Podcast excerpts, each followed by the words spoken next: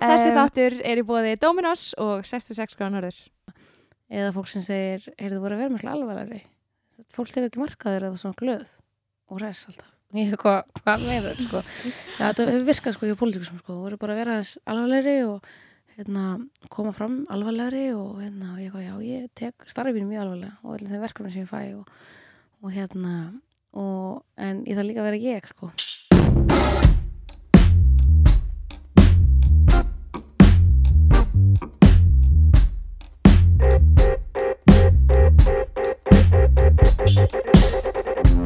Velkomin í þáttinn þegar ég verð stór. Ég heiti Valarún Magnúsdóttir. og ég heiti Vakan Hjálsættir. Til okkur er komin lögfræðingurinn og yngsti núverandi alþingismadur Áslaug Arna Sigurbjörnsdóttir. Ertu velkomin til okkar. Takk fyrir, Gekkja að fáðu þig. gaman að vera með ykkur Gott að hafa náður. Já, þetta er búin að Milli pínu- Anna Já, einmitt. Hvernig hefur það?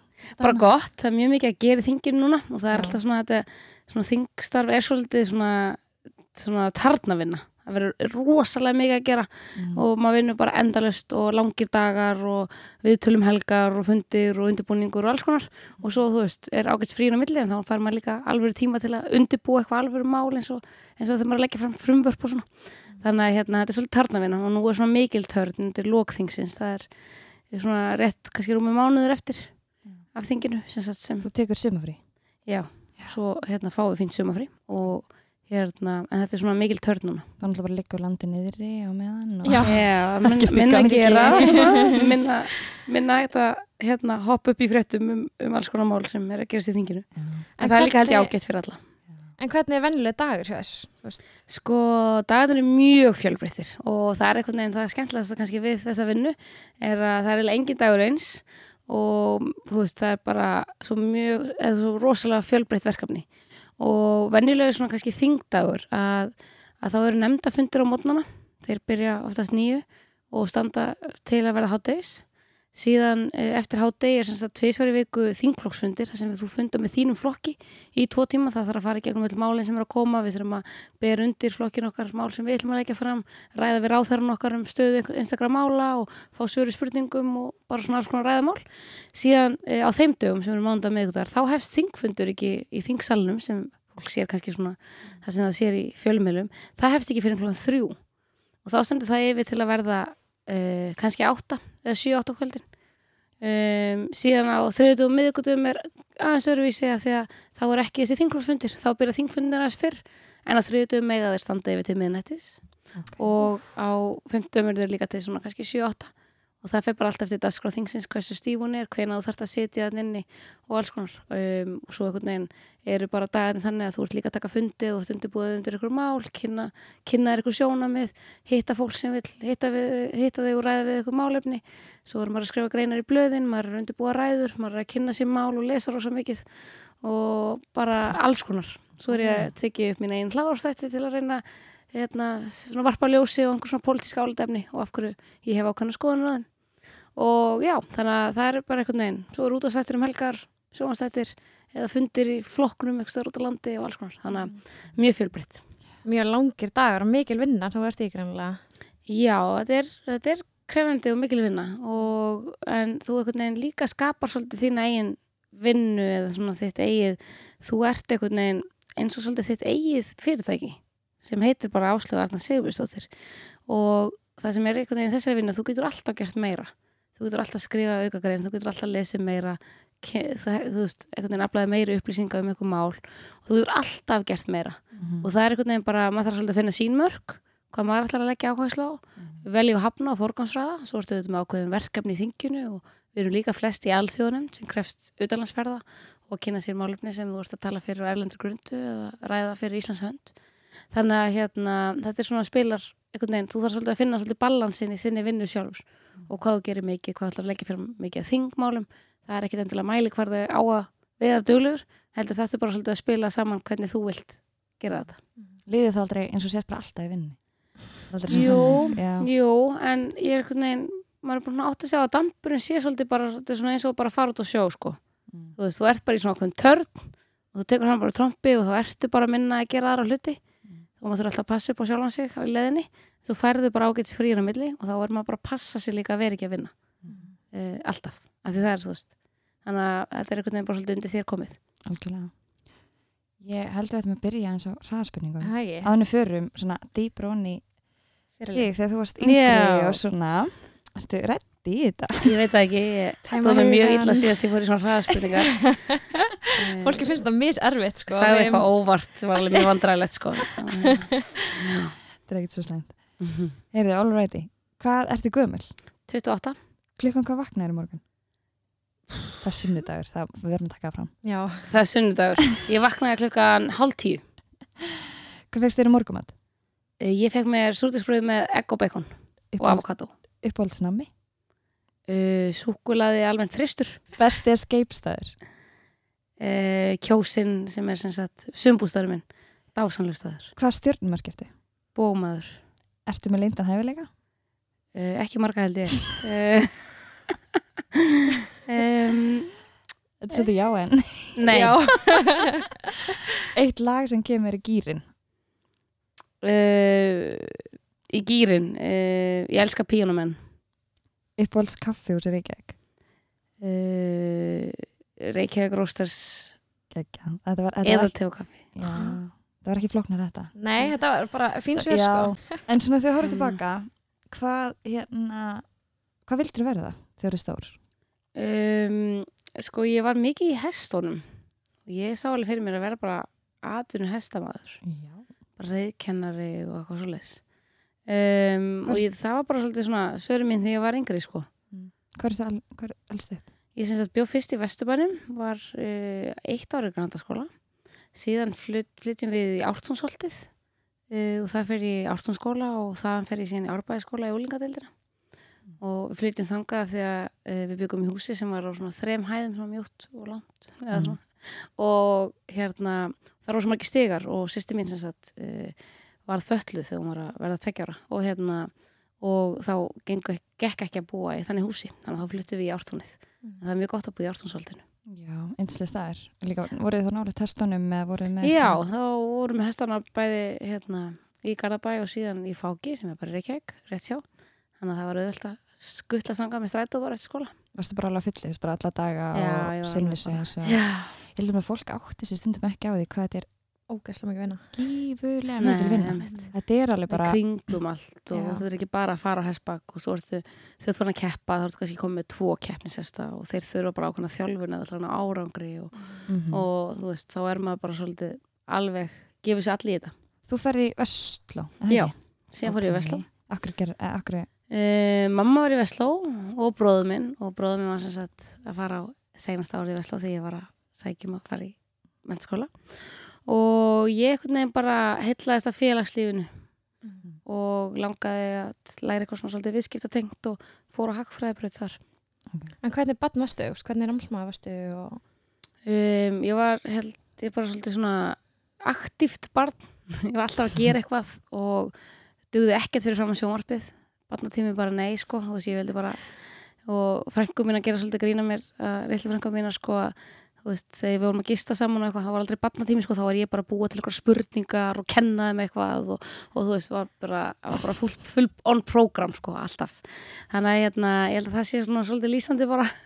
Um, og en var mjög góður námsmaður uh, að því leiti að bara átti frekar auðvelt með að læra og hérna svona lang flest og um, og var bara svona, þú veist, ég var alveg kallið proffi og svona, þú veist, er einhver að reyna að stríða mér, þannig að hérna það var bara smá staðan, en ég var mjög lili í ennsku og það kannski skýrðist að því að ég horfði aldrei á sjómarp þegar ég var yngri, sko. Og allir voru búin að læra bara ennsku af því að horfa á Friends og eitthvað, ég var bara ekki þar.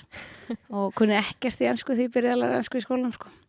Og hef bara verið, hérna og það hefur verið svona minn lélegi baggi að draga, sko, í, í gegnum skólakerfið, sko En þú fer, fórst ekkert út í námi eða eitthvað þannig Ég fór eftir Vestló, jú. Þú- Uh, ég sem sagt uh, var í Vestló og hérna fjall sagt einu sinna í prófi og það var í lokaprófi ennsku. Og kennara mér rétti mér sem sagt prófi í prófsýningunum og sagði að þetta kom okkur nú ekkert óvart. ég eitthvað, wow, pepp. um, og eftir Vestló þá sem sagt uh, fer ég í skóla í Cambridge, bara að læra ennsku og búa þar og vera bara með í kringum bara fólk sem tala bara ennsku og, og var þar í svona rúma fjóra mánuði Á því líka eftir Vestló þó eða, Já. já. eftir Veslu Því líka karið samt að gera það Já. að vera alveg bara falla, þú veist, eina falli sem hann tekur og vera svo bara, já, ég ætla bara fara út og bara master Já. þetta, þetta, þetta massi þetta bara Já, það var eiginlega sem ég ekkert annað í bóði og mamma mig alltaf mjög mikið til þess að bæta mig í þessu. Það var svona hérna, eitthvað sem ég gæti gert betur og, hérna, og það var mjög gaman og uh, mjög gott í dag því nú er ég formaður utanríkismálendar og fer Já. erlenda grundu og held ræður og spyr spurninga og hlusta á hérna, mikilvæga fundi. þannig að það er mjög gott að eiga þetta að baki Já, ég væri algjörlega út að skýta. En hefur þetta alltaf verið svona open karakter og svona mikið að Já, ég verið mikið félags svona persóna sko Mhm. og bara elskað fólk og verið kringum fólk og bara hérna ekki mikið fyrir að hanga einn heima og bara hérna og var mikið í félagslífi í Vestló líka og grunnskóla og bara alla tíð. Hvernig voru árin þar? Eru- Þau voru skemmtileg sko, voru mjög skemmtileg og maður gerði einhvern veginn bara maður var svolítið bara að gera allt og prófa og bara lifa lífinu og, og hérna og ég bý bara mjög vel að þeim árum sko og um, var auðvitað mjög aktíf í, í félagslífinu og, og svona taka þátt í ræðikeppnum og alls konar þannig. Varst í hestunum hann líka? Já. Og varst það- ennþá með þann draum að að vera hestakennari? Nei, þá var ég þarna? nú komin þannig að þá var kannski svona spurningin hvað ætli að vera stóra orðin aðeins óræðari um, ég var einhvern veginn uh, pappi er sem sagt lögfræðingur eða lögmaður og mamma var kennari og mér fannst það bæði mjög heilandi starfstjættir ég vissi bara svolítið að ég myndi ekki fungara í starfi þar sem ég sæti bara ein við skrippbór sko svolítið mikið. Um, þyrfti svolítið að svona hugsa út fyrir bóksið og vera í kringum fólk því að það er einhvern veginn það skemmtilega sem ég gerir sko. Mhm. þannig að ég held að það sé svona um, já, það var aldrei eiginlega aldrei öðruvísi sko en ég var ekki komið með eitthvað full mótaðar hugmyndir að því hvað ég myndi verða því ég var stór því ég var í Veslu og var ekki byrjað að hafa neina afskipta af pólitík beint því ég var í Veslu byrjaði svona rétt undir lokin í unglega reyfingu sjálfstæðarflokks Var þetta mikið rætt, þú veist, á heimilinu pólitík, varst alltaf meðut um hvað var að gerast eða, þú veist, áður nú ferð inn í þessu hvað spurning sko, ég svona einhvern veginn hafði áhuga bara á svona samfélagsmálum.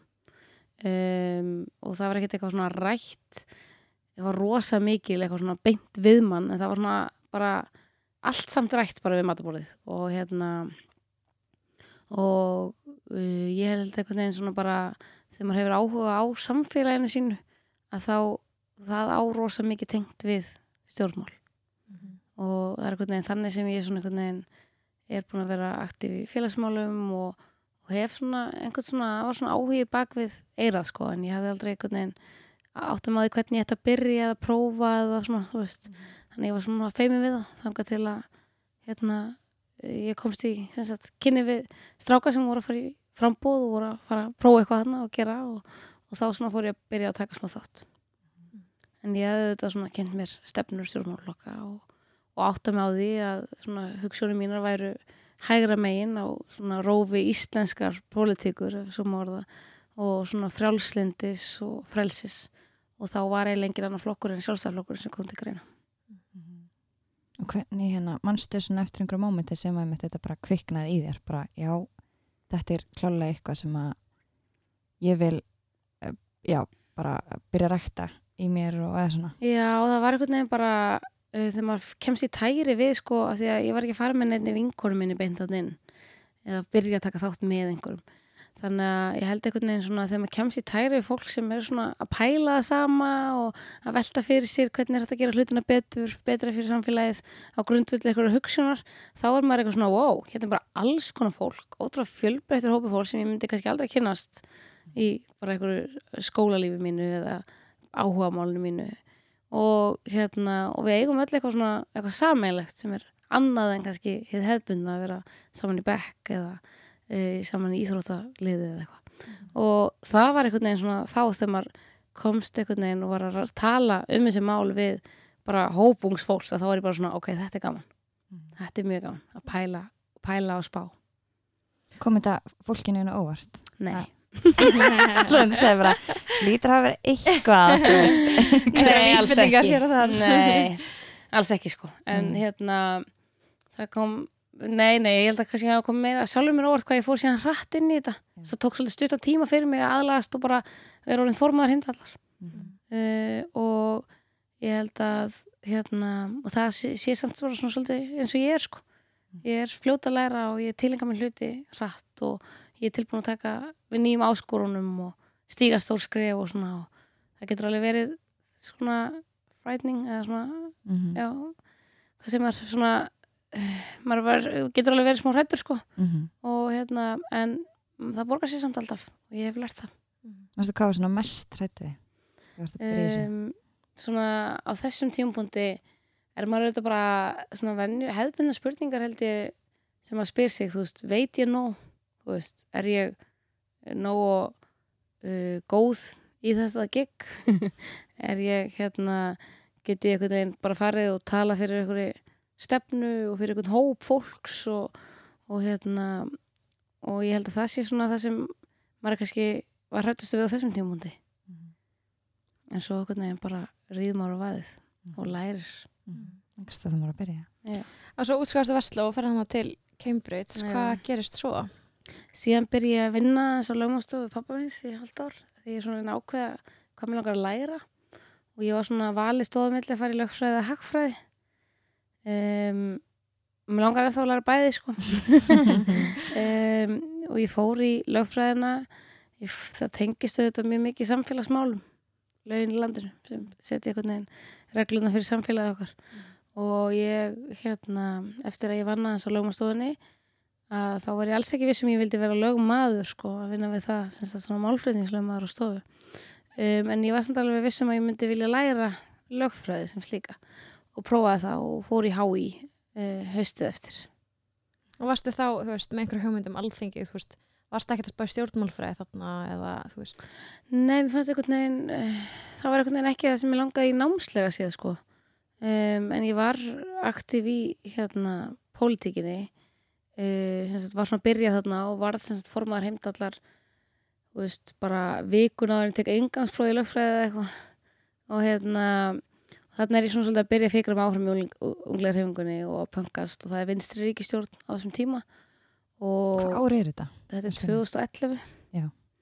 og ég hefði mikið við það að setja hvernig þau voru að leysa úr ísum málum og það var einhvern veginn það svolítið svona kvekti svolítið svona eldmóðin að bara, heyrðu, hvernig á ég að reyna að vekja aðtekli til eins ungs fólks á einhverjum málumnum af því að það virka kannski ekki að setja bara út álíkt um einhverjum texta sem enginn les þannig að þá svona byrja ég að prófa svona pöngast og við gerðum alls konar svona stönd, ef þú má segja um, sem fólki finnst kannski ekki rópar ekki húra fyrir mér í dag fyrir. En hérna, en það er svona eins og að afhendast yngri mjög jóð sem ég núna vinn með í meirluta ríkistjón uh, hagfræðabók 101 til að reyna að láta fólk lesa hérna, uh, hvernig við teldum áherslur hans rángar í skattapólitík sem fjármálgráðara uh, síðan var það að afhenda Páli Magnúsinni sem núna er þingmaður sjálfstæðarlóksins en var þá útvarstjóri Rúf uh, uppsagnabrið fyrir hest á, af ríkisútvarpinu. Af því að það eru sem sagt félög eða það eru félög til þeim sem stóðhesta sem eru mikilsverðir. Og þeir borga allir nefska þannig að það er allir að borga einhvern veginn nótkunnagjald af rúf á þess að vera personur að nota rúf Já. og ég var að sína fram að fáránleika hvernig gjaldtaka á ríkisútvarpinu væri og við sagt, komum á hestbaki á ríkisútvarpið og af, afhendum uppsagnabrif af rúf fyrir hönd hestsins eða félagsins í kringum af því að hesturinn er lögaðili um, sem er eins og fyrirtæki. Þannig að hérna og svo seldum við gjalderi þegar voru ennþá gjalderisöft á Östuvelli að það mátti ekki hérna, hafa viðskipti með gjalderi og hérna og við vorum bara reyna svona láta fólk aðeins bara að þegar það sér eitthvað svona skrítið og þetta hljómar kannski hérna, skrítið í dag en þá les fólk frekar hvað þú ert að spá og það er svona með þessum hætti sem þú getur náð aðtegli og mér fannst það mjög gaman að prófa mann áfram með það. Og hérna og það voru einhvern veginn svona árin, fyrsta árin með lagadeildin, maður var svolítið að pöngast í þessu. Svo tó, ákvað ég svona eftir ég lendi þannig, ég lendi ekki ég, ég sagði þannig einhverju viðtali að ég vildi, það var hægt að kaupa sér hvítvín á sunnudögum með humrunum og það ætlaði svona allt kollu keira og ég hafði gott af þeirri reynslu að lenda svona einhvern veginn undir hakavélinni ég held að sé hátti 700 komment undir þeirri frétt í dag og djóf það var Em, náttúrulega bara, og maður fekk alls konar hérna, góð neikni með það sem vinkonum mínar dyrka að nota en þá í dag. Um, En eins og þetta, þú veist, allt þetta sem þú ert að nefna núna, þetta er svona hluti sem þú ert að gera þú veist, allt byrt sér frá þessu kvítvinu og því en svona þú veist að taka einhver ákvörðun, þú veist einmitt að þú mun vekja aðtegli og, og þú ferði í þetta því að það er þú veist, þetta, þetta er eitthvað sem að fólk mun spá í hvernig uh, hvernig díla maður við það að vera einhvern veginn uh, átt að segja því að fólk má gaggrina það sem þú ert að gera og má Mhm. leggja bara allt fram til þín þegar þú Mhm. ert að gera þetta á ofinbæru vettvangi og einhvern veginn, hvernig díla maður við það og hvernig bara Þú er ekki að undirbúa sér fyrir það eða, veist, hvernig, Ég held að maður þurfi bara að lendi í því. Af því að hérna, það er bara eins og með aðra rökræði sem hún lendir í, hvort sem það er við vinni eða fjölskyldu í vinnunni eða hvað sko. Að þú veist, þú þarfst að geta tekið hérna gaggrinni, bæði á það sem þú veist að gera, en líka bara generally, eða generally að fólk sé bara ósamálaður í grunninn. Og það er bara alltaf lægi. Og það er bara partur af því hvernig við munum ná betri framförum er að fólk tekst á um ólíkar leiðir og hérna sé ósamála sko um, en ég held að það sé best að lendi í því til að undirbúa sig undir það í rauninni. Af því að þú þarft að þóla það að vera gaggrinni bæða málumlegan en líka á mjög ómálumlegan hátt. Og það er bara partur að hafa sig frammi í sviðsljósi á Íslandi. Og hérna og ég bý alveg vel að því í dag að hafa lent í því svona snemma má orðið koma sko. Um, af því að í dag skiptir þetta með núlmáli og fólk er ennþá svona aðeins að spyrja hvort að þú veist, snerti með þessi komment sem maður er að fá til bara í dag og bara í síðustu viku sem ég var eitthvað að gera sjálf grín af á Twitter sko. Og hérna um, það gerir það ekki sko. En það sem kannski svona meiðir er um, frekar svona orðrað sem er enda við hafa um þig svona kannski af pólitískum anstæðingum eða fólki sem vill ekki að þú náir langt um, sem þú sérð að sé svona beinast að þig persónulega í gegnum kannski alls konar pislaskrif og svona. Um, málefnilega Já, og það sem fólk svona reyna að nýta sér það að maður sé ungur pólitíkus og reynir að stimpla mann til dæmis bara gott dæmi sko að það sé alltaf verið að kalla mig reynslulösa og hérna nú er ég að verða 29 ára. Ég er búin að vera reytar í sjálfstæðarflokksins í fórustu stuði, stærsta stjórnmálflokki á Íslandi ég er að verða fjögur ár ég er búin að vera þingmaður frá 2016 ég er búin að stýra tveimur á stærstu nefndum þingsins bæði allsér og mentamálunemnd í eitt ár og núna að verða tvö ár eða eitt og hálft ár í utryggismálunemnd og ég er ekki alveg viss um að þau, það mikla reynsluleysi sem fólk vil stimpla á mig e, myndi vera hend upp á ungan mann í minni stöðu. Mm. og þetta er eitthvað svona, svona lína sem hérna fólk vil svona halda að mér til þess að halda aftur á manni kannski. Og hérna og auðvitað og ég er ekki að segja ég sé bara fullbúin og mótuð manneska sem er með bestu reynslu sem völ er á sko. En ég finnst samt ansið hæpið að kalla mér reynslu þess og maður getur alltaf lært meira og maður er alltaf að þróast og maður er alltaf að kynna sér meira mál og fá meiri og meiri reynslu. En hérna en þetta er svona áhugaverð orðaði sem fólk og aðlar reyna að halda uppi um hann. Finnst þér þá, þú veist, meira skotmark heldur en, þú veist, samsastæðalar svona öðruvísi skotmark. Ég held sé að mörguleiti maður sér það bara að sé það í svona gegnum tíðina sko. Um, ég og eitt þingmaður eldri, eða svona hérna, ekki eldri maður, bara strákur maður, hérna Pavel Bartosek. Við sem sagt uh, fórum með sömu fullirðingu í umræðum fjármálaállun 2016 eða byrjun á 17 kannski. Og hérna það er eitt fjölmeil sem telur að svo fullirðing sér raung og ræðs bara mér fyrir að ljúa í pontu þingsins en ekki honum. Og það var hann sem vakti aðtekla á þessu þegar hann tók eftir því að hann sagði það sama það er bara byggt á annari, annari reikningsformúli frá maður segja sko. Eh, hvernig hérna, við myndum freka vilja sjá hlutir borna saman.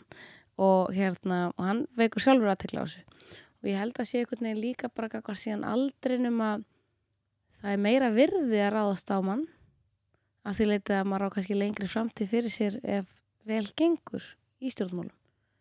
Og þess vegna er kannski meira að skemma ef svo má segja sko. og það er bara staðrind og hérna verður þannig. En auðvitað hérna, hefur alltaf oft verið mikil umræðum það hvernig gaggrínu konur fá í stjórnmálum um, og hvort að þeir fái óvægri gaggrínu ef þeir gera til dæmis mistök og annað. Og mér finnst það mjög áhugavert að fylgjast með sko. Þetta eru mjög áhugaverðar rannsóknir sem ég verið að gera með þetta, finnst mér sko. Sérstaklega líka bara eins og með hérna húmor og annað. Þú veist, þegar konur eru einhvern veginn upp í bontu eða er að, með einhverja fyrirlestra og þannig. Og hvað einhvern veginn sami brandarinn er, er tekin allt öðru í sig eftir veist, hvort það sé kallega kona að segja sko. og alls konar svona miklu miklu fleira sem er einhvern veginn í, í gangi og, En svo finnst mér í samt sko að fá einhvern veginn en með svona gaggrinn náman og koma meira út af aldri heldur en þessi kona eins og einn á þingi og í stjórnmálastarfinu þó að margt kannski svona eins og með þetta sko þú veist, það svona er bara ákveðin brekka að vera kona.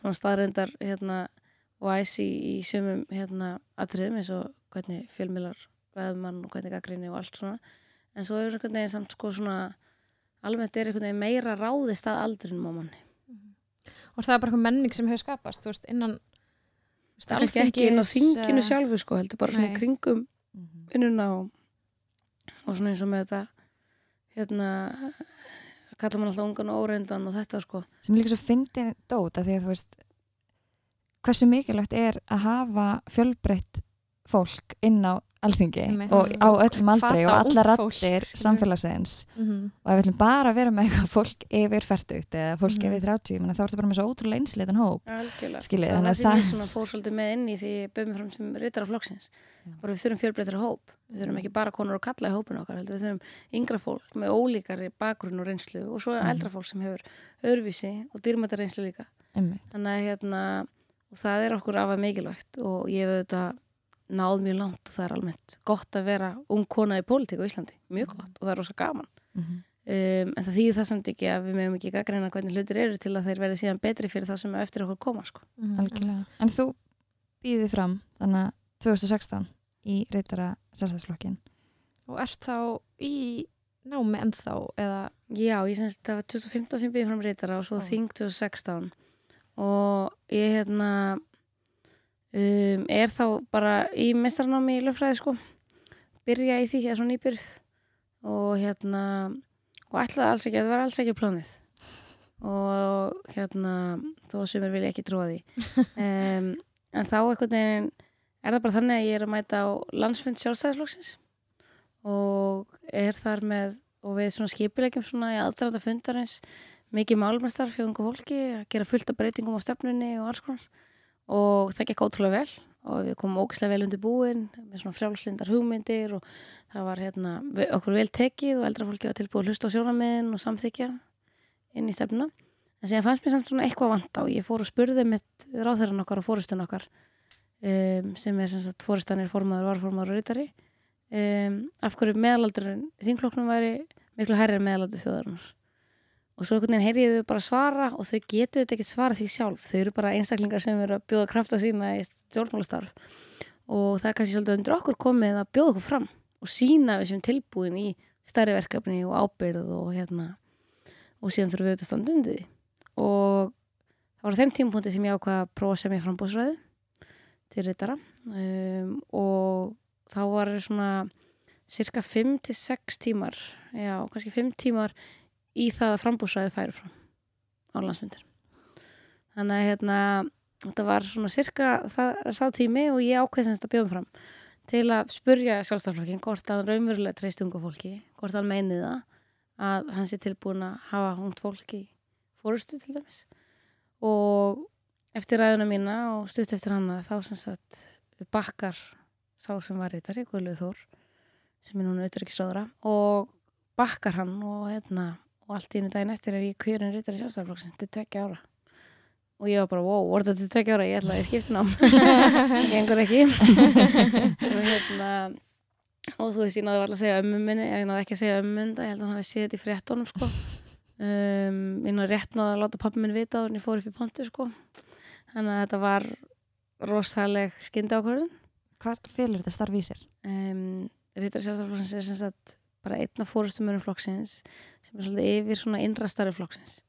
Og passar upp á það að vera til staðar ef félögin út á landi sem er bara sjálfbúðalegur oftast að starfa í félögunum uh, hafið þau tól sem þurfa til að hafa öflugt starf. Maður situr síðan í miðstjórn og maður hérna, er ábyrðumæður auðvitað að mörgu leiti bara að flokkstarfinu, hvernig að gera það betra og ég hef svolítið einhendi mér, mér að reyna að koma betri upplýsingum að framfæri við fólk um málefni sem við erum að stúsast við. Uh, við sjálfstæðismenn og aðra um, og, hérna, og alls konar. Þannig að þetta er svona og þannig er maður alltaf komin bara í svona eitthvað ólauna fórustarfi stjórnmálaflokki með námi. Mm. og það var ótrúlega gaman en það var mjög óvænt og ég man eftir einmitt atvikinu þegar ég mæti ég var að kenna almennuna sem sagt svona umræðu tíma í almennu lögfræði og það var á mánudum og hérna og ég mæti sem sagt þú veist, ég kjörn á sunnudegi og það var þetta smá fjör kannski um kvöldi svo mæti ég bara eitthvað að kenna og allir að einhvern veginn sjá þetta í fjölmjölum og, og ég bara hérna, og það var svona einhvern veginn moment þar sem ég var eitthvað svona Vá, nú, hérna, þú veist, hvað gerðist? Þú veist, var þetta helgin bara, þú veist, ég var smá svona bara, veitu, er þetta staðan? og þau sáu öll á mér að ég var alveg út á kú, sko, en hérna, í smá tíma, en Mm. hérna, þetta var svona einhvern veginn, smá svona reality check, bara, veitu, ég mætt bara aftur hérna í lögfræði og bara, ég er að það í skóla og hvað er að gerast? Fórstu beint úr uh, BA Í master. í master Já, ég gerði það. Mhm. og einhendi mér svolítið bara með, já, með hérna námi að vera sinna fjölbreytum störfum og var blaðamaður í tvö ár og fór svo í laurugluna í tvö ár og mér langaði einhvern veginn bara að prófa mismunandi hliðar samfélagsins og starfa áður en ég kannski held að ég er bara fyrst við skrippbórið ykkur tíma á meðan ég væri svona að spreita mig sem lögfræðingur. Um, og finna út svona svolítið hvað ég vildi gera. En það kom síðan ekki til þess að því að því ég var búin að vera rúmt hálft ár sem reytari að þá sem sagt eh, er búða til kostninga um haustið næsta fyrir en áallega var. Og þá er ég eitthvað svona um, ég er reytari ég er fórstumar í sjálfstæðarflokkunum og það er kostninga til þings og maður ekki bara fara líki þær og það var svona svolítið ákvörðin sko. Varst það þú sjálf sem peppar upp í það? Fannst þér einhver annar svona aðili sem Já, að aðalega, ég held að maður þurfa að finna það sjálfur að vilja gera þetta, þetta er það stóra ákvörðin Já. en ég var mikið kvött það var margir sem kvöttu mig til þess Mhm. en það voru líka alveg fólk sem sagði þú veist, hugsaði vel um sko þú ert ung og það væri kannski skynsamlega að gera þetta setna og það er alveg valið punktur sko um, það er kannski skynsamlega en ég held að það sé mjög nöðsynlegt að svona ungt fólk bjóði sig fram og hafi síðan fyrirmyndir eða hérna, hugmyndir að því að fólk, svona ungt fólk geti sint þessum störfum líkt og aðri sko Algjörlega.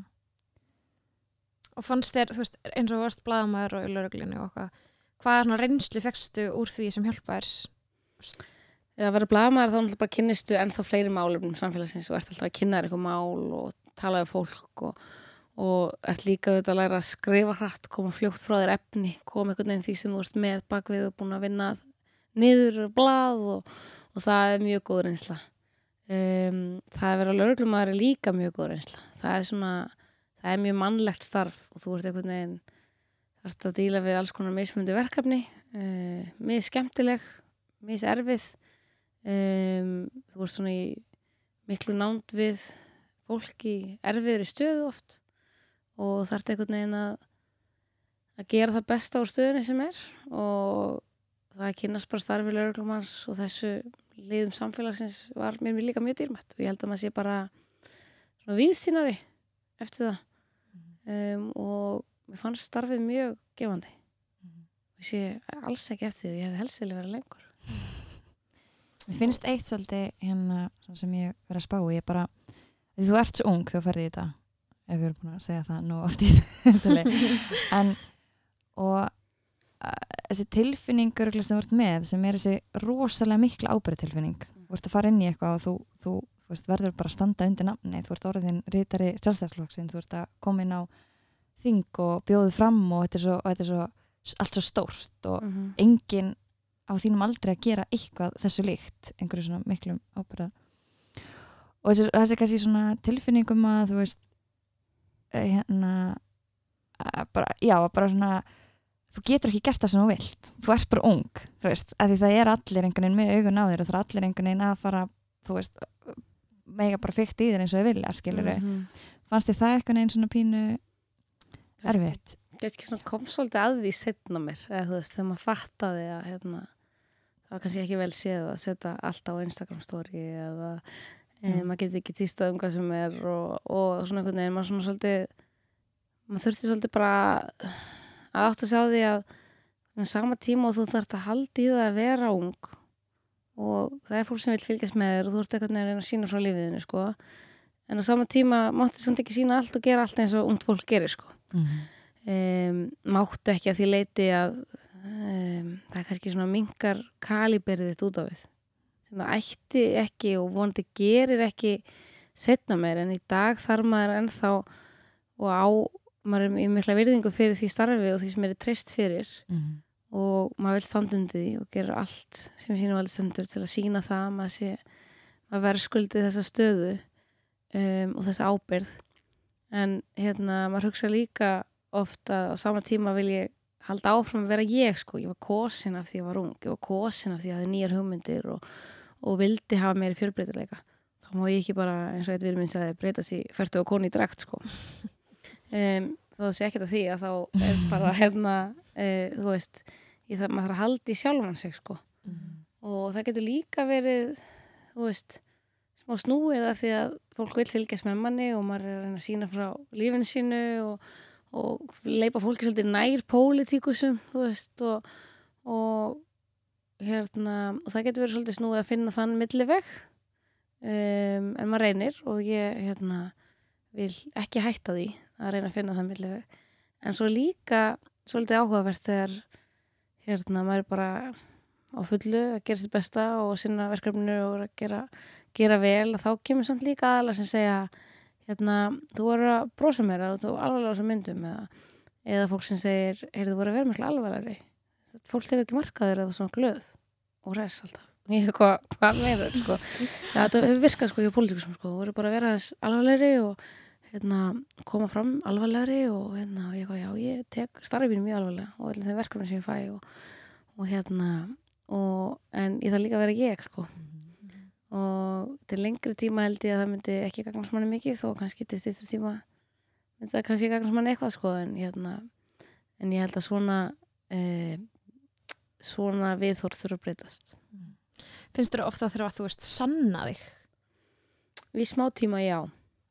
Ég held svona einhvern veginn, til dæmis því ég fekk að vera formaður, fekk það verkefni að vera formaður alls og mentamálunemndar. Um, að þá var fólk bara, já, ok, bara yngsta gælan hérna á henn, formaður sem nefndar og ég var bara sitt undir því, sko. Um, þá þarf maður uh, að sanna sig, en ég held, en samanskapi er maður líka fljótur að því, ef maður vanda sig og gerir vel. Og maður finnur það bara í nefndastarfinu eins og í dag er ég að stjórna nefnd sem eru þrýr formenn flokka í stjórnarnastuðu, tveir fyrirverandi ráþherrar með þess að fyrirverandi ráþherra málaflokksins sem maður stýrir. Og ég var bara wow, þú veist, ok, hérna þetta verður krefjandi. En ég held að leiðum að sýnir að maður er ekkert verið en hver annar og hérna gerir þetta bara að fullum krafti að þá eru þau líka mjög fljót að meta það mikils þannig að hérna þá finn ég ekki neitt fyrir því að, að hérna fólki finnist ég og vung eða get ekki staðið undir verkefninu sko. Svo má líka ekki gleyma því að þú er náttúrulega kosin inn að því að fólk treyst þér og Einmitt. já, já, já, og Þannig ég finn, og ég finn almennt fyrir miklu tröst í, bara, þú veist, nefndastörfunum og í þinginu frá fólki sko. það er hérna alls ekki neini svona leiðindi út af aldrei eða Nei. öðru sko. eins og samfélagsmiðlar, finnst þér það hjálpa til dæmis að þú veist, veki aðtegli á pólitík fyrir ungt fólk, þú veist, það eru margir einhvern veginn á okkar aldrei sem að nenni ekki að pæla þessu eða nenni ekki að lesa eitthvað lesa til um eða eitthvað svoleiðis. Þú veist, finnst þér samfélagsmiðlar til þess að hjálpa, mjög Twitter þú veist, óslega gaman að fylgjast með þér á Instagram að sjá svona eins líka hvernig bara þitt starf er, veist, hvernig horfur þið til þú veist, þessum málum? Sko bæði já og nei. Um, byrja á jáinu. Að mörguleiti hérna, hjálpar það manni að hafa aðgang á fólki og sína betur frá störfunum hvað er að gerast og hvað maður er að ná í gegn og, og við hvað maður er veginn, hvað er svona með viðfangsefni dagsins um, og það er ótrúlega gaman. Og ég var smá feimin sjálfi að nota til þess Instagram til að sína frá vinnu tengdur hlutum. En leiði byrja að gera það þá fekk ég miklu fleiri fylgjendur sko. Um, að því að fólk er eitthvað svona, vá, þetta er einfalt eitthvað cool, vá, hérna, flott að sjá þetta og eitthvað svona gaman að sjá eitthvað svona nýtt. En samanskapi getur einhvern veginn líka er gaman að sína frá því og en þú veist, þú getur ekki verið endilega að snappa einhvern fundum sko. Enda, og maður getur ekki alveg sínt svona hversu hérna, hefi vinnudagarnir eru stundum. En, en þetta er mjög gaglegt að því leiti líka fólk finnst auðvelt að spyrja. Og hérna, og ég reyna að svara eftir mjög magnir svona kurtisum spurningum sko. Mm. um, og Twitter er auðvitað líka svona samskonar með að maður getur sagt frá stuttum máli einhverjum hérna, efnu Facebook aftur á móti er aðeins öðruvísi. Um, það gagnast manni mikið í kostningabaratu annað til að koma framfæri og til að sína almennt á í hverju viku hvað maður að gera og deila skrifum sínum og alls konar en stundum er rosa erfitt að koma málefnilegur umræðu að og ég held að það líka ve veiki pólitíkina og áhugan á henni þegar umræði verður bara svona svona eitthvað crazy eða þú veist, þetta verður einhvern veginn svona veist, eins og hver í alvörinu nennir að kynna sér þriða orkupakkan í dag sko. og hérna það er einhvern veginn þegar umræði verður bara svona ógisla reið og heftu og einhvern veginn og það verðist enginn einhvern veginn að tala málamlega um málega þá held ég að það líka reki fólk frá pólitík. Mm. þannig að þessin held ég að svara sér bæði já og nei. Við þurfum svolítið að passa okkur að hérna að halda áfram að nota jákvæður hliðina samfélagsmiðlunum til fyrir að það gá, sé allavega eitthvað starf aðgengilegt hvað fælst í því sem við erum að gera og, og hvað, hvað deila því sem við erum að gera og segja og, af því að á sama tíma í svona málum sem verður svo mikið læti að þá erum við við að kvartunda því að upplýsingum sé ekki nægilega að koma á framfæri og það er stundum alveg rétt en stundum er það rosa erfitt í einhverju svona þegar það verða svo mikið læti eins og ég vil segja kannski á samfélagsmiðlum. Þú veist það verður svona lætin og það verður svo hávært að það er erfitt að komast að Það eru mikið að gaggrinni gegnum þessa miðla. Já og nei sko. Um, fólk gaggrinir mann, jú, jú, bara á statusum eða þegar maður deilir fréttum af sér eða við tölum hana um, ég svar oft því sem er málumlegt eða það sem fólk er bara með ágjur eða spurningar á vangaveltur en það er bara hluta starfinu að fólk gaggrinir mann og hérna og ég held ég væri ekki að gera neitt ef ég væri ekki gaggrind Nei. og það er svolítið líka viðhór sem maður þarf að hafa til sko að ef maður ætlar raunverulega að breyta ykkur sko að þá verða alltaf ykkur ósáttir Mhm. og það er bara partur af jobbinu Mhm. og ef þú ert ekki gaggrindur aldrei þú er sjóðmálumæður þá ertu ólíklega að breyta ykkur í alvörinu sko. En hvernig, þú veist, við erum búin að tala um svolítið svona viðhorf hérna heima, þú hvað því að vera ungur og svona, hvernig þú ferð út, hvernig er viðhorf þar? Bæði kona og ung, veist, við erum Mm. alltaf komið fyrir eitthvað framlega hér í bara þannig. algjörlega. Eh, það er auðvitað svona mörguleiti öðruvísi. Ég fór maður auðvitaðriksmálanefndar þannig að ég fer talsvert mikið erlendis. Um, og fólk er ekki alltaf, alltaf viss að því að ég sé raunverulega formaður nefndarinnar. Um, ég lendi í Katar að þau heldur að Sigmund Davíð væri formaðurinn það var ekki séns að það veri ég. Ég leit nú laga það samt sem öður um, en ég held að það sé svona sérstaklega í þessu giggi sem formaður auðvitaðriksmálanefndar er að það er almennt eldri menn sem eru þetta í Evropalöndunum er að segja líka. Það eru svona örfáar konur og um, við þorri svo sem maður svona er bara misjamt sko. Stundum hérna uh, er svona einhvern veginn eins og skoður maður skipta kannski minna máli eða maður upplifið það aðeins. En svo sér maður líka bara hvað við erum komið langt þegar maður fer á heilu fundin að það sem er ekki ein kona í panel sko. Um til dæmis öryggis og varnamáli eða eitthvað og maður er bara en ég gaggrinni það þá líka ofnbarlega á fundunum sko.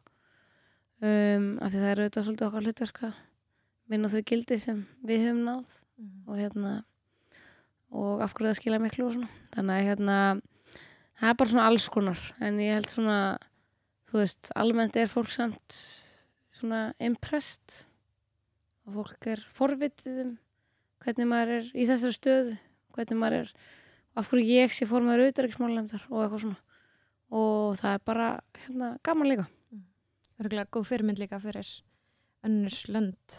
Já, og svo líka veginn bara ámar svolítið að nýta svona plattformi sem við erum með í dryggsmálum. Maður bæðið þetta er mikilvægast að geta hagsmuna Íslands en svo er hinbóðurinn sko að deila þeirri reynslu og þeim árangri sem við höfum náð sko.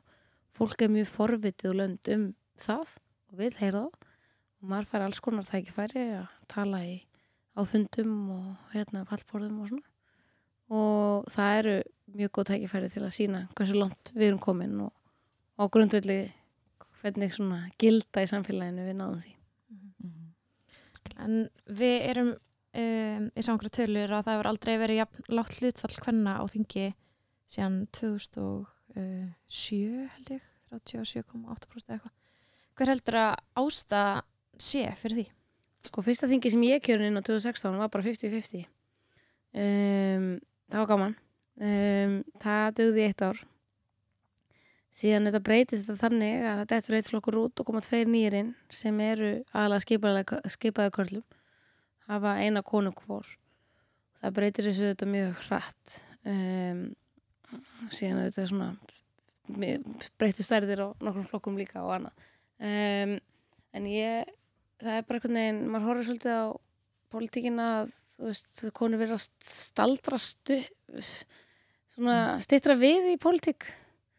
Og ég skil það alveg.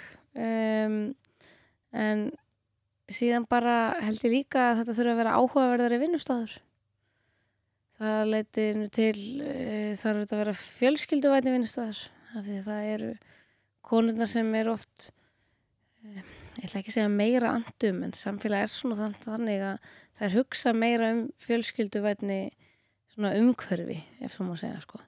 Og það eru hérna þeim er meira kannski vanni meira það að það er hugsi meira þannig heldur en kallarnir sem fara í þessu umhverfi sem eru mjög ófjölskylduvæn og aldrei hægt að komast að sækja mellir fjóru og fimm og annað slikt sko.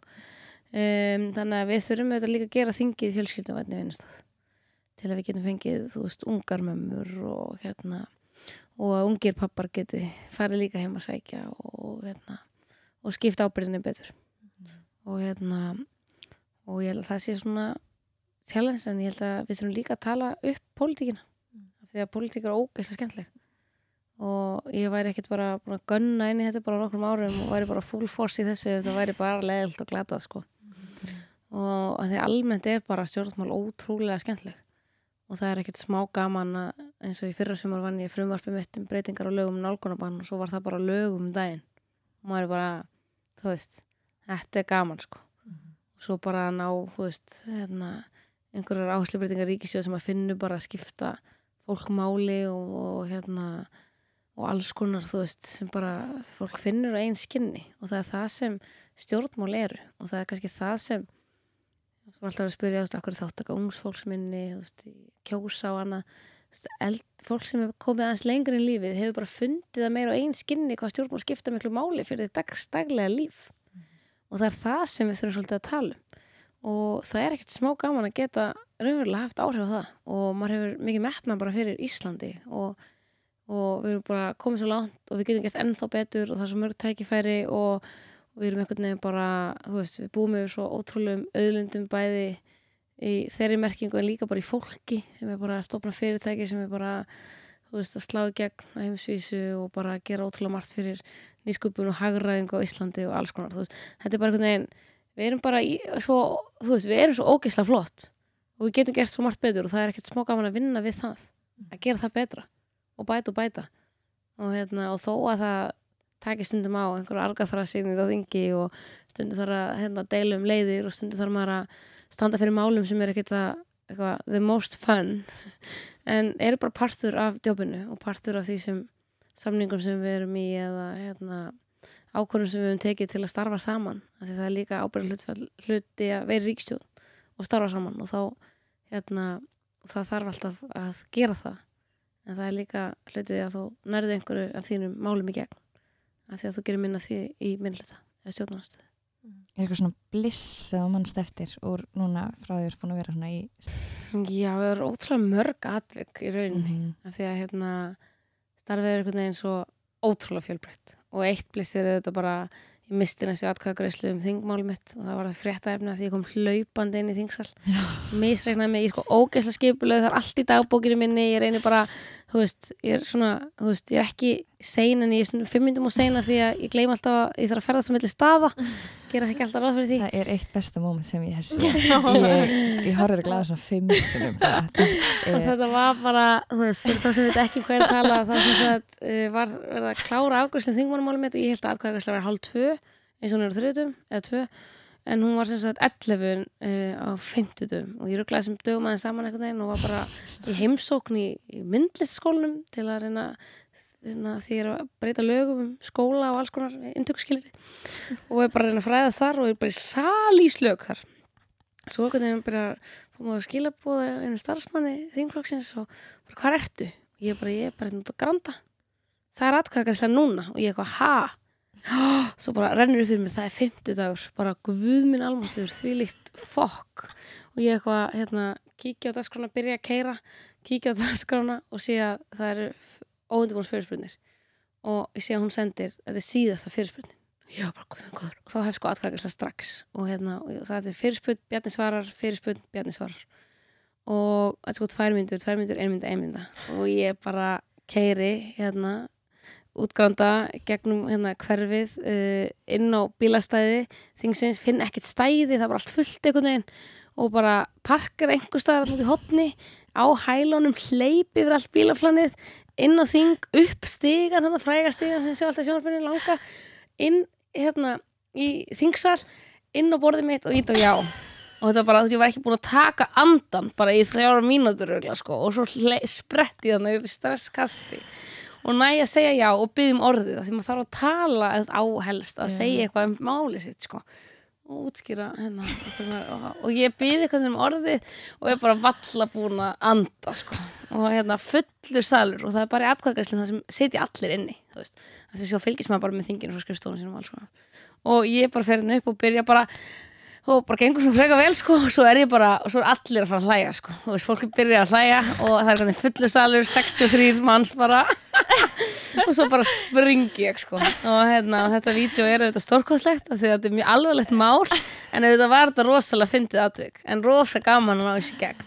Og þetta var einhvern veginn svona svo óraumverulegt og ég var ekki sem búin að setja með maskara sko. Ég var bara eitthvað, hérna ég kem hérna inn og er bara eitthvað hérna, næ að halda einhvers konar ræðu um málið og þetta var eitthvað svona eins og einu bara samþykjað allir og bara hérna, springa allir hann í mér í ræðinu og hlátri og, og þá var maður eitthvað svona þú veist, en bursjur þessi atviki að þá var það mjög gaman en Já. máli er fekk líka síðan meira aðteglega því ég kom hlaupandi inn þannig að það var ágætis pérstund svona eftir á ekki Varstu bara búin, varstu ekki að plana þetta? Já, eins og margt sem hefur hefnast ágætlega hjá mér þá var þetta ekki planað. Eitt af þessu stöndum sem að en þú veist, er alveg stemming fyrir þessu? Er fólk alveg að fara í hlátuskast Já, já, já, já, ótrúlega já, já. alvarlegt starfsumhverfi. Nei, þetta er, eh, nei, það er alveg fólk er mjög létt. Já, og fólk talar milli flokka og hérna sest niður saman og er að leysa mál og það er svo mörg mál í þingin líka sem fara saman í gegn með öllum greitum atkvæðum þú veist, og, og gegnum nefndir sem allir eru saman. Og það er eitthvað bara að minna frétt nefnd sko. en það eru það í rosa mörg mál og hérna um, og það er bara hérna, stór hluti af starfinu er að reyna að finna leiðir svo að hérna, allir séu sátti við eitthvað og, og séu með sko. Og star, þú veist það er, það er svo mikið að skemmtilegum veist þetta er bara hérna, skemmtileg vinnustæður sko þá var kannski stemmingin svona síðustu mánuði hefur alveg verið betri sko en hérna en það er bara partur af þessu og það er fólki létt og gerir grín og, og þú veist, fólk gerir mistök þú veist, þegar það er að tala eða fórsetar að kynna og þú veist, það er bara og það er bara hleyja því. Sem betur fyrir kannski. Við erum ekki mannlega við erum Nákvæmlega. mannleg. Ef við tölum aðeins um bara þeirri umræði sem hefur verið núna endur frá dag og getur vel ekki sleppt því að tala um e, þetta frumvarp um þungunarof getur aðeins bara sagt bara útskýrt það fyrir okkur. Hvað, mm um hvað máli snýst? Ég skil vel mjög, mjög vel og það er svona kannski e, það er svona alls konar sjónamið þetta uppi og e, en frumvarpi sem slíkt e, snýst reynir voru bara um það að sko gamla löggjöfin um þessi mál sem hérna fjallar um fóstureyðingar er mjög úreld hún er held í 50 ára gömul eða eitthvað um, og hún er bara orðin sér gengin og framkvæmdin er í rauninni í engu samræmi við hennar mörgur leiti en það þarf þó auðvitað að fylgja henni svona í grunninn. Og þegar Kristján Þór Júliusson var semst heilbrist þá byrjaði vinnan sko, við endur skoða öll lögin og búa bara til ný lög í kringum þetta.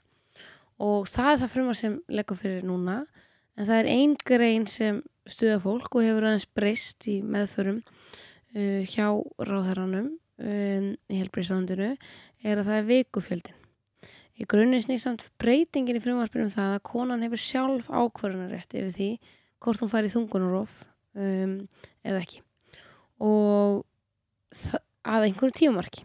Það snýst um sjálfsákvörðunarétt konunar til eigins líkama og hann skara síðan á einhverju tímapunkti við það sem við teljum réttindi fóstusins eða ófætt bars um, og það er mjög erfitt að finna þessi tímamörk þau eru ekkert eitthvað bara gripið niður og hérna, sett eitthvað staðar um, og það er mjög erfitt að setja svona lögjöf sem er svona viðkvæm en það er samt partur af starfin okkar og núna er sem sagt uh, í dag er lögjöfun þannig að eftir 16. viku að þá þarf sem sagt þú ert að óska eftir því á grundvelli þess að barni sé það er svona upptalning í lögunum sem er mjög gamaldags sem að barni sé vanskapað eða skattað og hérna einhvers konar svona eða þú sért í lífsættu kona sjálf og það er síðan nefnd sem ákvörða fyrir þig hvort þú meigir fara í þungunaröf eða ekki og það er síðan framkvæmt alltaf upp að lókum 20. viku sem þýðir 21 vika og 6 dagar í þessu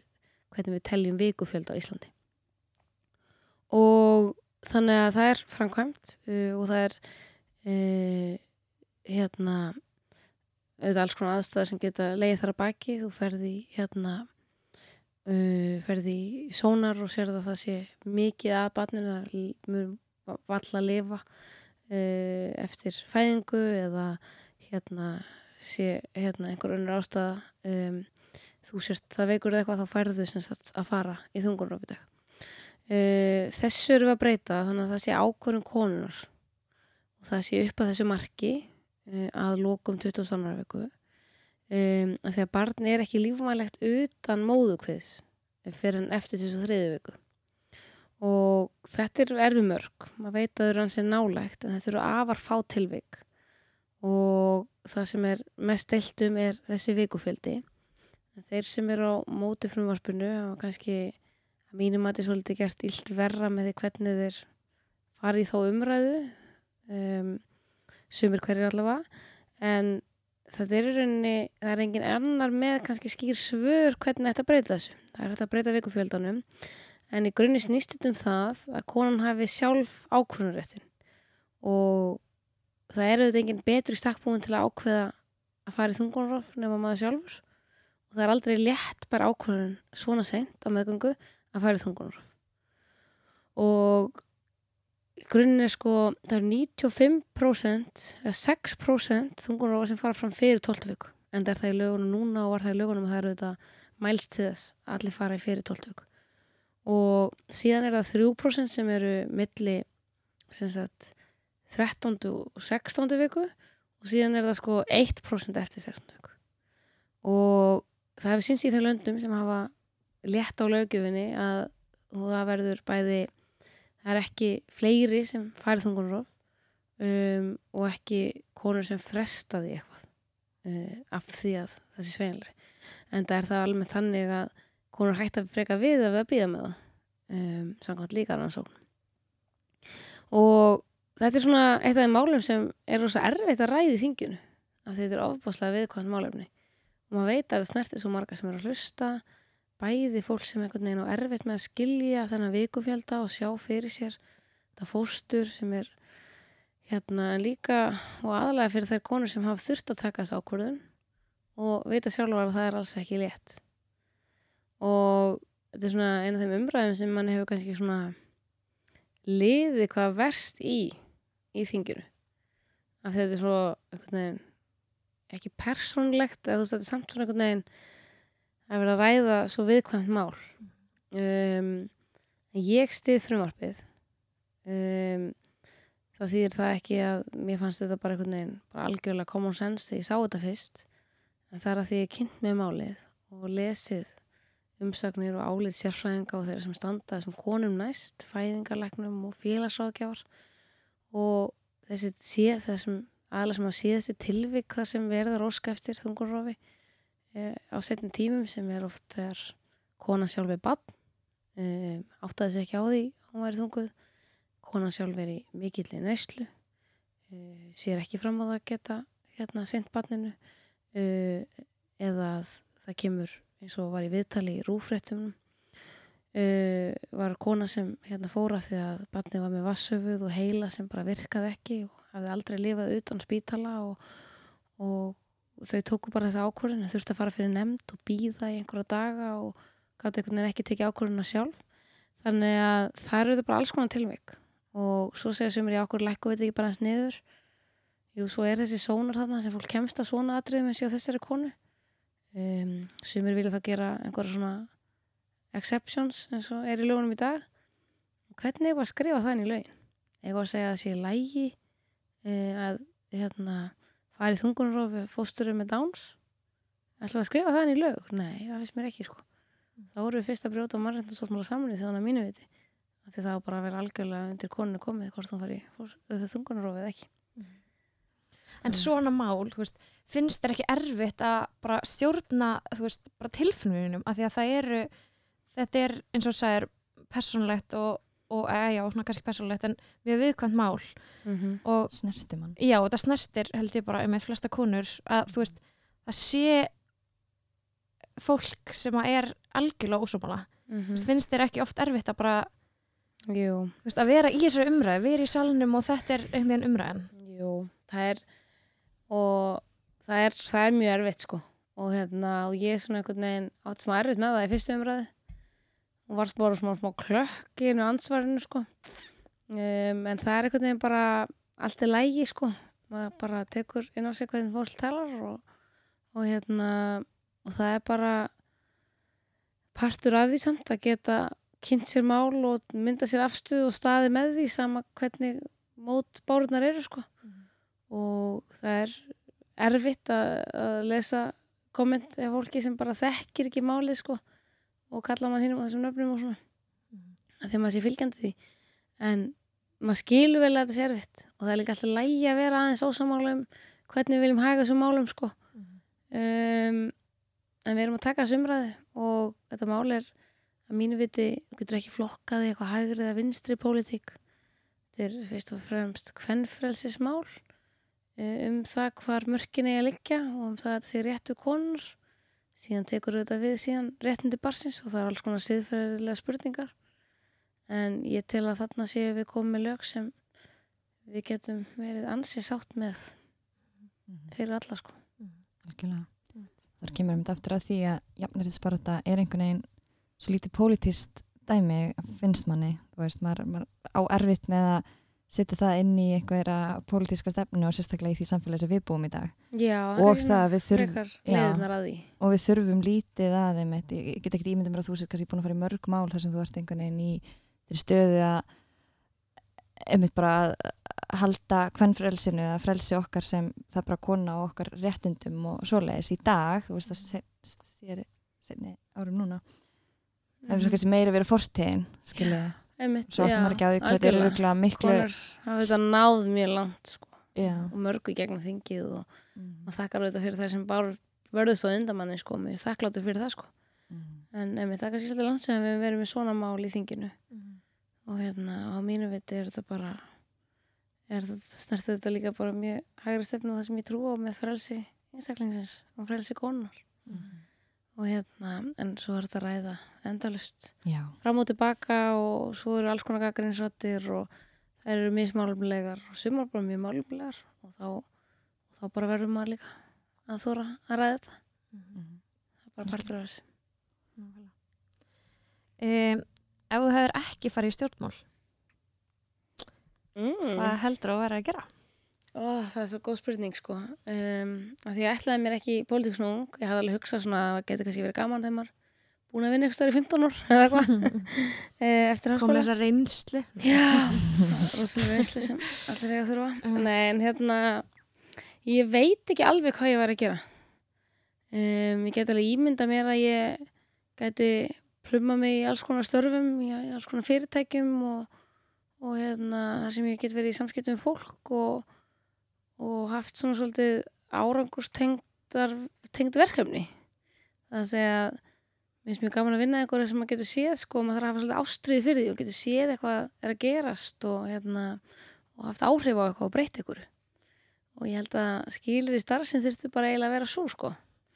Þegar annars væri ég og er ótrúlega opinn almennt fyrir lífinu og verkefnum og bara því sem tekur fyrir mig fyrir hendur sko og hérna en ég mun örgulega þurfa að svara þessar spurningu setna af því að ég ætla ekki að vera á þingi allt mitt líf. Ég trúi því að þetta getur verið erfitt starf sem hún sér einmitt kannski ekkit fyrir að vera bara fram á Nei, þetta er rosa gaman og hérna, en ég held líka einhvern veginn að svo getur maður breyst og pólitík er svo fljóta að breytast og maður veit einhvern veginn aldrei. Þú veist, fólk hefur dott út af þingi einu augabræði og svo einhvern veginn ákveðið að hætta eða bara haldið mun lengur áfram en það ætlaði sér og ég held einhvern veginn að það sé bara svolítið þetta umhverfi og maður þarf að vera bara rosa tilbúin að vera svona sveginlegur og opinn fyrir því að vera bæði mjög stutt og svolítið lengur. Þannig að hérna ég er bara mjög, maður er svona veist, það er líka skemmtilega að vita maður skemmtilega og erfið að maður þarf að sækja sér umbúð alltaf og fjara á fresti til að halda áfram í jobbinu sínu sko Þannig að hérna, er mjög gaman að fara í kostningabortu en eftir að hafa farið tvær eftir, ár eftir ári rauða þá skil ég vel okkur það eru á fjögur ára fresti en ekki á hverju ári. Þetta er, hérna, hef ég að fara hana í sér. þetta er smá orkusjöga að fara í svona kostningabortu en ótrúlega gaman líka. eh, hver er svona þín helsta fyrirmynd? Úf, ég er sko ákvæmst ekki svona einhver eina. Ég tek svona svolítið bara svona kosti upp hjá fólki sem ég finnst góði mannkostir og, og hérna reyni að horfa til þeirra sko. Um, en auðvitað bara elst upp uh, og heimili hjá mjög öflugum foreldrum. Uh, bæði pappa og mamma voru bara þú veist, að jákvæð og skýr og aktív og metnaðafull og þú veist og það er einhvern veginn svona mm, bæði líka næm og hreinskilin og bara þú veist þetta er einhvern veginn maður tekur svolítið bara svona þau gildi með sér út í lífið og bý ótrúlega vel að því sko. Og hérna og síðan kynist maður auðvitað fólki á lífsliðinu bara og gegnum verkefni og vinnu sem bara maður svona lítur til sko. En ertu með eitthvað motto eða veist, einhver gildi eða eitthvað sem að þú ert með? Já, ég hef veginn svolítið hérna, svolítið hugsa hvernig maður einhvern veginn hvernig maður virkar og fungerar og hérna og það eru auðvitað alls konar klísjur til sem hérna um, en það eru nú samt þannig að margar þeir eru sannar og góðar. Og ég er ótrúlega góð í að hérna, taka eitt verkefni og eitt dag einu og njóta þess og geta svo skilið erfið verkefni eða erfiða reynslu svolítið að frá næsta degi. Um, ég fer, þú veist, brjálið að sofa en svo vaknaði ég bara og bara, já, bara næsta dagur, þú veist, þannig að ég held að það að einhvern veginn hafa það viðþorf að verkefni og reynsla er bara þau eru einhvern veginn tímabundin þau, maður á að vera frekar, veist, ánæði með hver dag og bara þú veist, gefa sig í það verkefni sko, en það er einhvern veginn bara að fara samt með þannig einhvern veginn er mikill kostur sko að geta farið á kottan og skilið svolítið margt eftir þar sko. Um, þetta við svolítið bæði vinnulega og persónulega. Um, það er svona kannski svolítið erfitt að koma sér orð en þetta er einhvern veginn bara maður lendir í alls konar erfileikum bæði í vinnu og persónulega en það er einhvern veginn að það móta mann en það kannski hefur ekki hamlandi áhrif á mann. Og ég held að það sé svolítið línan sko að nýta það frekar í orku eða í það að hugsa betur um þig eða þú veist hvað sem þú þarft að nýta það í og hérna og nota það til góðs. Og hérna ég held að það sé einhvern veginn svona þannig sem ég hef funkarað síðust ár. Nýta sér kannski erfiðleika í að styrkja sig en frekar svolítið. Já, einmitt, algjörlega. Og svo einhvern veginn getur, getur þetta líka bara verið eitthvað pyrringur og, og þú veist, maður er stundum bara liggur í lámanni og eitthvað svona. Og það er það bara alltaf lægi sko. En það þarf líka að vera hægt að skilja það síðan eftir. Algjörlega. Þú talar um að vera skipulögð. Hvernig, ertu með eitthvað tips? Sko, hérna ég einhvern veginn bara það er einhvern veginn funkar ekkert ef það er ekki hérna, velskipulagt og ég einhvern veginn e, líka lendi stundum í því að vera sko, skipuleiki of mikið það að segja, þú veist, stundum ef maður á bara að breyka einhvern tíma þá bara ágætt að fara heim til sín það er ekki endal, endilega að hitta einhvern eða græða eitthvað eða búa til eitthvað, eitthvað vinnuefni eða eitthvað um, en ég bara um, reynir líka að setja mér svona, þú veist, tútúrlista sem er svolítið bara lifandi.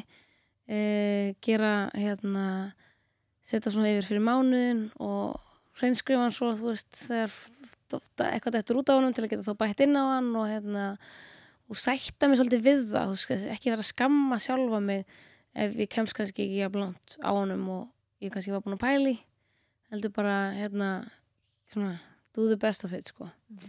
Og ég held að það einhvern veginn viðþorf uh, til skipulags og lífsins sé bara þá bara er alltaf lægi stundum er maður mjög aktífur og næra að gera á samar stundum kemur eitthvað nýtt inn sem maður gerði ekki ráð fyrir. Stundum er maður bara illa stendur og þreyttur og þarf að sofa meira sko. Þannig að hérna, það er svolítið líka bara um þetta, þetta láti ekki láti ekki einhvern veginn svona einhverja ómerkilega hluti kalla það. Hafa mikil áhrif á mann. Og bara, hérna dagarnir eru ekki þessi verði sko. Uh, ef þú getur breytt einhverju einu eða þú getur valið eitthvað eitt málöfni eða já sem að þú getur breytt hvað er það? oh god. Ótrúlega stór Það er spurning. mjög erfið spurning sko. Um, það er ótrúlega margt. Um, eitthvað svona sem þú brennur eitthvað mest eitt. fyrir. Ég væri ótrúlega til í að smetla fingri og að það að vera kennari væri e, eftirsóknar að vera starf. Um, og ég held að með því þyrftu við að geta borgað um herri laun um, ef þau standa sig vel og haft að ef þú ert að leggja mikið á þig þá fáur það til baka og þannig það breytist kannski líka með því að skólanum verði fjölbreyttari þannig að ég held að af því að það verður svo oft svolítið þungt og erfitt að breyta mentakerfinu ef ég geti gert eitthvað með einum fingri þá myndi ég vilja breyta því að skólar væru fjölbreyttari og væru okkar flottustu fyrirtæki á Íslandi Geggjað. góð punktur myndi mér að hvata þar mm -hmm. ég bara þú, við getum mjög talað í sko þrjá klukkutími Já, viðbót viðbót. það er svo margt sem við erum með. Stikla stóri ég held að það verði bara áslegarnu vol 2 einhvern tíman segna sko en búin að fara yfir heilmart já, verið er eitthvað sem vil segja að lokum? Eitthvað sem að þið langar að koma fram fyrir? Ráð eða eitthvað. Bara þóra Þú veist, það er eitthvað neginn maður gerir mistök en maður þórir og hérna, kýlar á hlutina um, en maður lærir alltaf á þeim sko. En svo stundum líka tekst það ógeðslega vel. Og það að vera óhrættur er einhvern veginn bara það sem er einhvern veginn bara svona líka svolítið sem það verður að, og ég hef alltaf baka við eirað sko. Mm. að vera óhrættur og það á við um allt sko. Það getur við verið áttuðum það að hérna, byggðum herri laun sko eða stíga stærri skref eða byggjum nýtt verkefni eða hætti í vinnunni eða breytum nám, nám eða þú veist segja það sem maður hefur alltaf langað að segja við pappa sinn eða spyrja ykkur eða þú veist, þetta á bara við um svo margt. Og hvort sem það er hérna í rauninni í hvaða stuð sem maður er að ég held að það skilir manni langt og maður sé sáttar við sjálfan sig að maður gerir allt óhrættur og hikar ekki við hlutina því að maður mun held í frekar sjá eftir það er mjög góð lokaord takk fyrir að koma til okkar. Nei það er ein spurning sem við ættum að spyrja. All right. Hvað vilt vera þegar þú voru stór? ekki má glemja því. Ég vil vera fósitsráður. negla en þetta er bara góður endur fyrir minni nýja viku með þetta. Já, Já, en fyrir- að samaskapi veit maður líka að pólitík er óútreiknuleg þannig að ég væri líka mjög sátt á mörgum öðrum stöðum.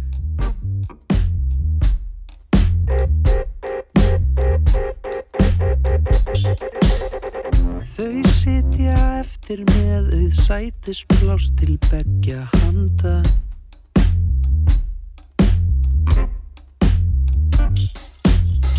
Dreipandi sitt á hvað á drikkjunum sem eftir standa. Alveg sjálfsagt ekki að minnast á Láttu vaða Leistu skjóðu frá.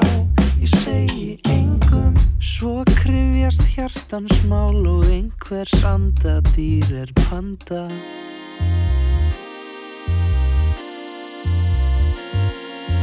Trún og trún á, við kinn Þú og ég og einhver vinnu þinn. Trún og treyna, trún og viðhalda Nóttin naumast orðin viðaldra Trún og trún og kinn við kinn Þú og ég og einhver vinur þinn Trún og treyna, trún og viðhalda Nóttin naumast orðin viðaldra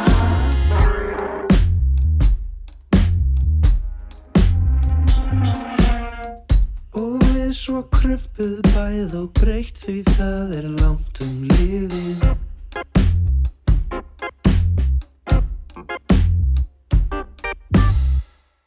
Og hundruð hunda ára hafa okkar daga drifið. Alveg sjálfsagt ekki að minnast á. Láttu vaða, leistu slóðu frá. Ég segi engum Trún og trún á, kinn við kinn Þú og ég og einhver einu þinn Trún og reyna, trún og viðhalda Nóttin naumast orðin viðhaldra Trún og trún á, kinn við kinn. Þú og ég og einhver einu þinn. Trún og reyna, trún og viðhalda Nóttin naumast orðin viðhaldra Hann ber af sér bak frá makanum. Þau takast á hvort skuli saka um. Þau takast á hvort skuli saka um. Þakið sem rakar í rakanum. En ég makaði